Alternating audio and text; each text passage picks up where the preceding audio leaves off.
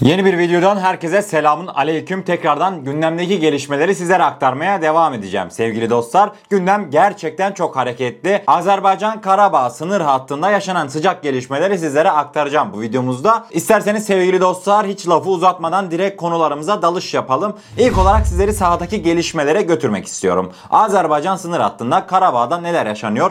Güncel haritalarla birlikte sizlere sunmaya çalışacağım. Sınır hattından Karabağ'dan edinmiş olduğum bilgiler fotoğraf şeklinde sizlerin karşısına gelsin. Hep birlikte o fotoğrafları yorumlayalım.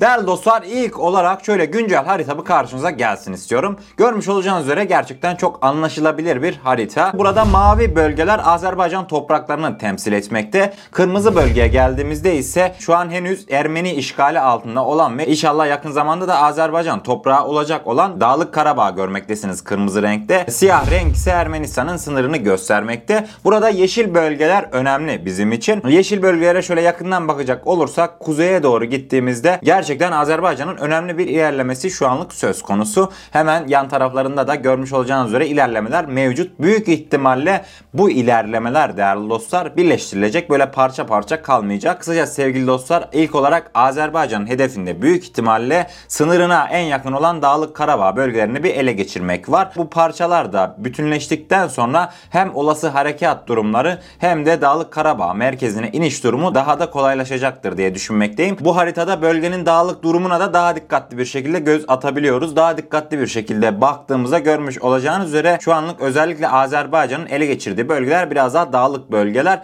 Dağlık Karabağ bölgesi ise daha da bir dağlık açıkçası. Fakat bundan sonraki ilerleyişler en azından dağlık Karabağ'a kadar kolay bir şekilde olacaktır diye düşünmekteyim değerli dostlar. Ardından çatışmaların yoğun olarak yaşandığı bölgeleri sizlere sunmak istiyorum. Görmüş olacağınız üzere sevgili dostlar bu 5 ayrı noktada çatışmalar tüm hızıyla devam etmekte. Emon Karayolu'nda Sonunda da Türkiye'nin Azerbaycan'a satmış olduğu Bayraktar TB2 SİHA'ların yoğun operasyonları söz konusu. Evet sevgili dostlar şu an sahadaki güncel harita durumuna hep birlikte göz attık. Fakat karşıma sosyal medyada gezerken bir başka harita daha karşıma çıktı. Neydi bu harita? Ermenistan Erivan'da konuşlu S-300 sistemlerinin Türkiye Iğdır'a olan uzaklığı. Biliyorsunuz Türk Hava Kuvvetleri'nin güya Ermenistan'a kalırsak aktif bir şekilde sahada rol aldığını söylemekteydi Ermeni kaynaklar. Bundan dolayı değerli dostlar bu harita benim için çok önemli geldi ve sizlerle paylaşma gereksiniminde bulundum. İsterseniz sevgili dostlar Ermenistan Erivan'daki S-300'lerin Türkiye sınırındaki Iğdır'a olan uzaklıklarına hep birlikte bir göz atalım. Değerli dostlar görmüş olacağınız üzere haritada Ermenistan Erivan'da konuşlu bulunan S-300 hava savunma sistemlerinin Iğdır sınırına olan mesafesi bulunmakta.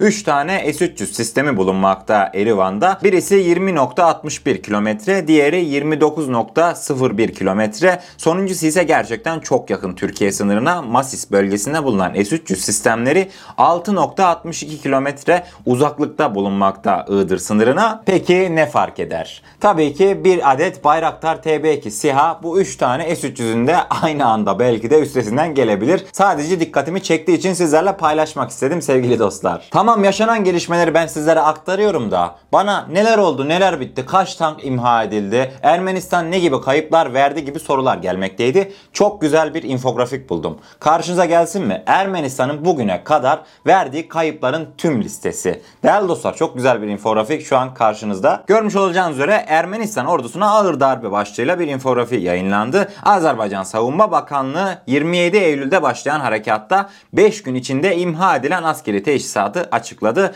Tamı tamına 230 tank ve zırhlı araç. Bunların büyük çoğunluğunu Bayraktar TB2 SİHA'mız imha etti. Biliyorsunuz görüntüleri de zaten bolca medyada dönmekte. 10 adet komuta merkezi hatta dün bir adet komuta merkezinin vuruluş anını deyim yerindeyse canlı bir şekilde izlemiştik. Ardından 250 adet topçu ve füze sistemi zaten bunlar oldukça eski sistemler. Fakat gerek TB2'ler gerekse de İsrail'in vermiş olduğu insan sava araçlarıyla bu sistemler etkisiz hale getirildi. 7 adet mühimmat deposu gerçekten önemliydi. Ermenistan'ın özellikle mühimmat sıkıntısı yaşaması için ilerleyen günlerde. Ardından en önemli nokta 30 38 adet hava savunma sistemi. Bunlar kamikaze drone'lar olsun, Bayraktar TB2 siyahlarımız olsun tekrardan onlarla imha edildi. 38 adet hava savunma sistemi. Ardından 130 askeri araç. Askeri araçlara zaten biraz sonra göz atacağız. Gerçekten çok eski askeri araçları var. Bunu gördüm. Bunu da söylemek istedim açıkçası. Bir adet de S-300 hava savunma sistemi. Bunun zaten görüntülerini de Azerbaycan Savunma Bakanlığı yayınlamıştı sevgili dostlar. İmha edilen askeri teçhizatlara hep birlikte göz attık fakat sizi biraz daha sahaya götürmek istiyorum.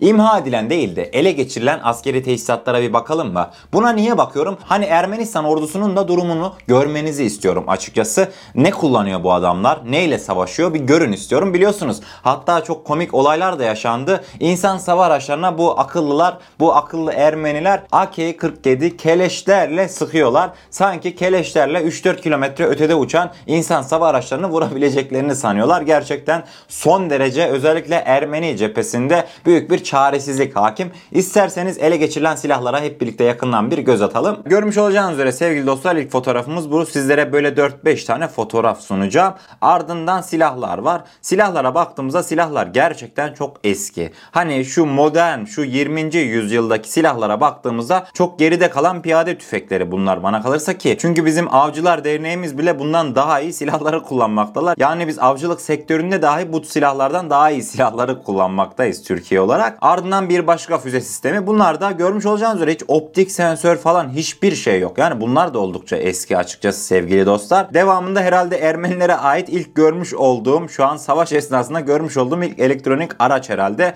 Bu da herhalde büyük ihtimalle ya gece görüş sistemi falan tam bilmiyorum. Yorumlarda bilen arkadaşlarımız yazabilirler. Hemen akabinde de bu kamyonlar ele geçirilmiş. Bu kamyonlar zaten çok ünlü. İnsan sava araçları çok kolay bir şekilde bu kamyonları imha etti.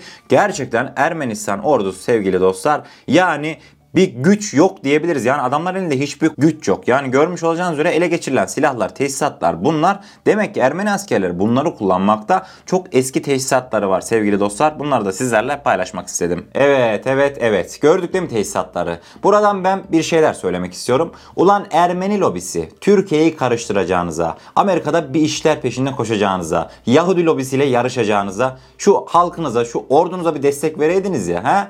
Ne oldu? Türkiye'deki karıştırma soruşturmalarınız cevap veremeyince böyle ordunuz sahipsiz kalır işte. Ordunun durumu ortada sevgili dostlar. Ermeni lobisi bunca paraya sahip Ermeni lobisi demek ki ordularına bir haltı becerttirememişler. Görmüş olacağınız üzere ordularının hali işler acısı. Azerbaycan size çok net bir şekilde belirtebilirim ki yaklaşık 2 hafta içerisinde dahi Karabağ ele geçirebilir. Gerçekten hani bunu tüm samimiyetimle söylüyorum. Çünkü Ermeniler hiçbir şekilde teknolojik unsur barındırmıyor yani ordusunda. Bundan dolayı sevgili dostlar içiniz ferah olsun. İnşallah Karabağ Azeri kardeşlerimizin olacaktır. Şimdi Ermeni lobisi dedim ya ben. Ermeni lobisi Türkiye ile uğraşmaktan vazgeçer mi? Vazgeçmez. Zaten yıllar boyu derdi bizdik bu adamların. Sevgili dostlar başka bir uğraş daha açmışlar kendilerine. Kısacası başka bir uğraş bulmuşlar. Neydi o uğraş? İsterseniz fotoğraflar karşınıza gelsin hepiniz çok olacaksınız. Görmüş olacağınız üzere değerli dostlar yurt dışındaki Ermeni lobisi Türk ürünlerine boykot uygulayın çağrısı yaparaktan böyle Türkiye ekonomisine para girişini engellemek istiyorlar.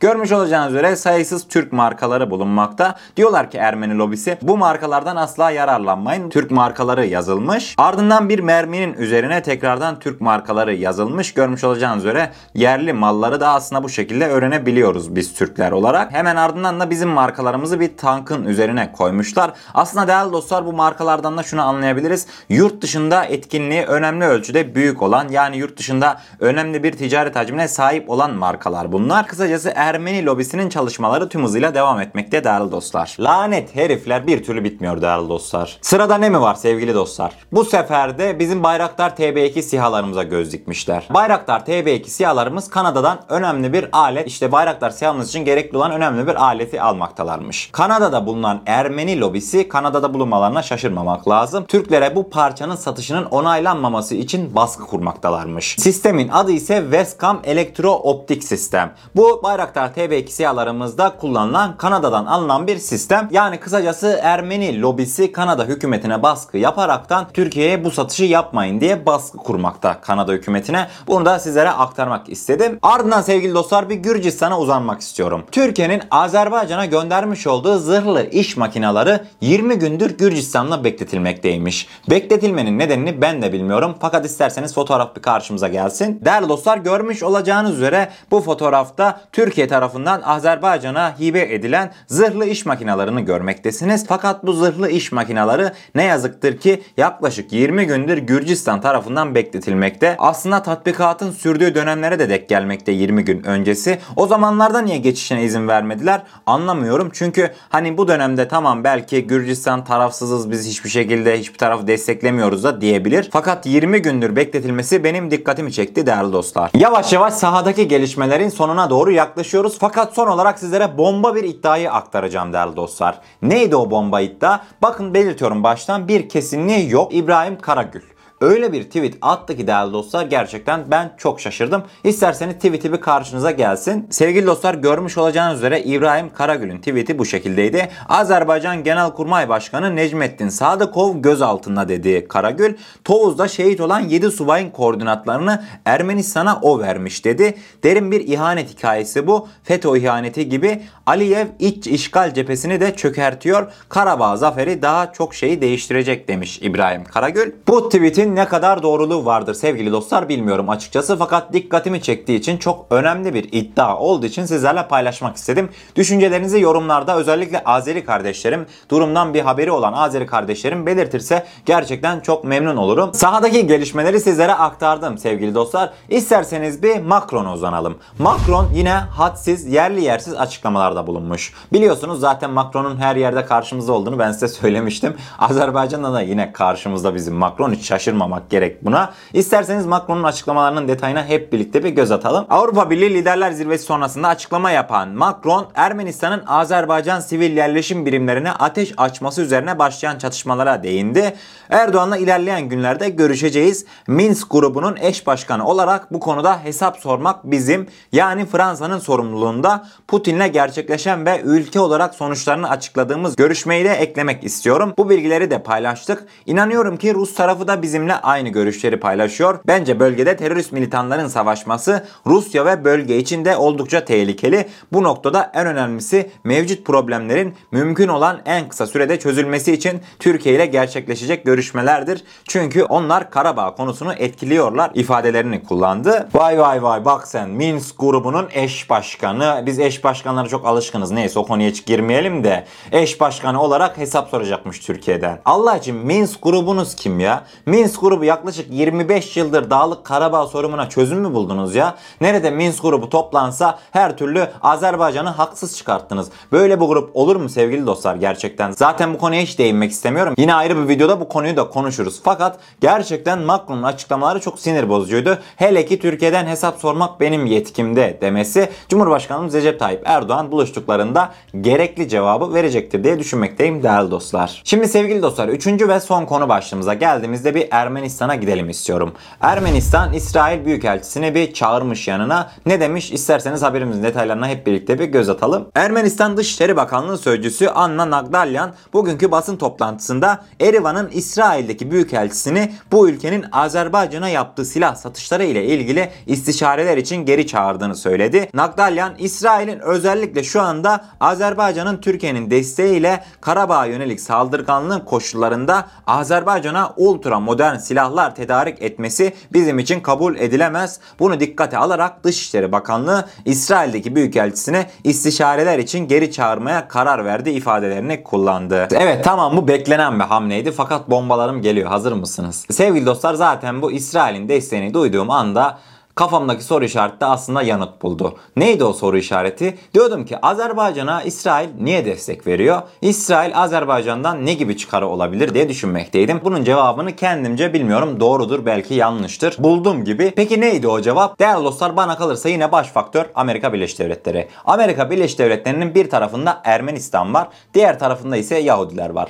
Değerli dostlar bu iki lobi gerçekten çok büyük lobiler. Bundan dolayı yani İsrail'in Azerbaycan'a destek vermesinin istemesinin temel sebebi Ermeni lobisini bitirmek istemesi. Ermeni lobisini bitirip Amerika'da kendine daha büyük bir yer edinmek istiyor gibi gözüktü bana Yahudi lobisi. Bilmiyorum belki doğrudur belki yanlıştır. Bu benim kendi görüşüm sevgili dostlar. Görüşlerinizi yorumlarda belirtebilirsiniz. Evet değerli dostlar bugünkü gelişmeleri de sizlere aktardım. Umarım doğru bir şekilde aktarabilmişimdir. Son kez hatırlatıyorum. Eğer kanalımıza ilk defa gelmekteyseniz kanalımıza abone olarak bizlere destek olabilirsiniz. Videomuzu da gerçekten beğenmişseniz beğenirseniz çok ama çok mutlu oluruz diyorum ve o zaman kendinize çok iyi bakın. Allah'a emanet olun. Her şey istediğiniz gibi olsun. Sağlıcakla.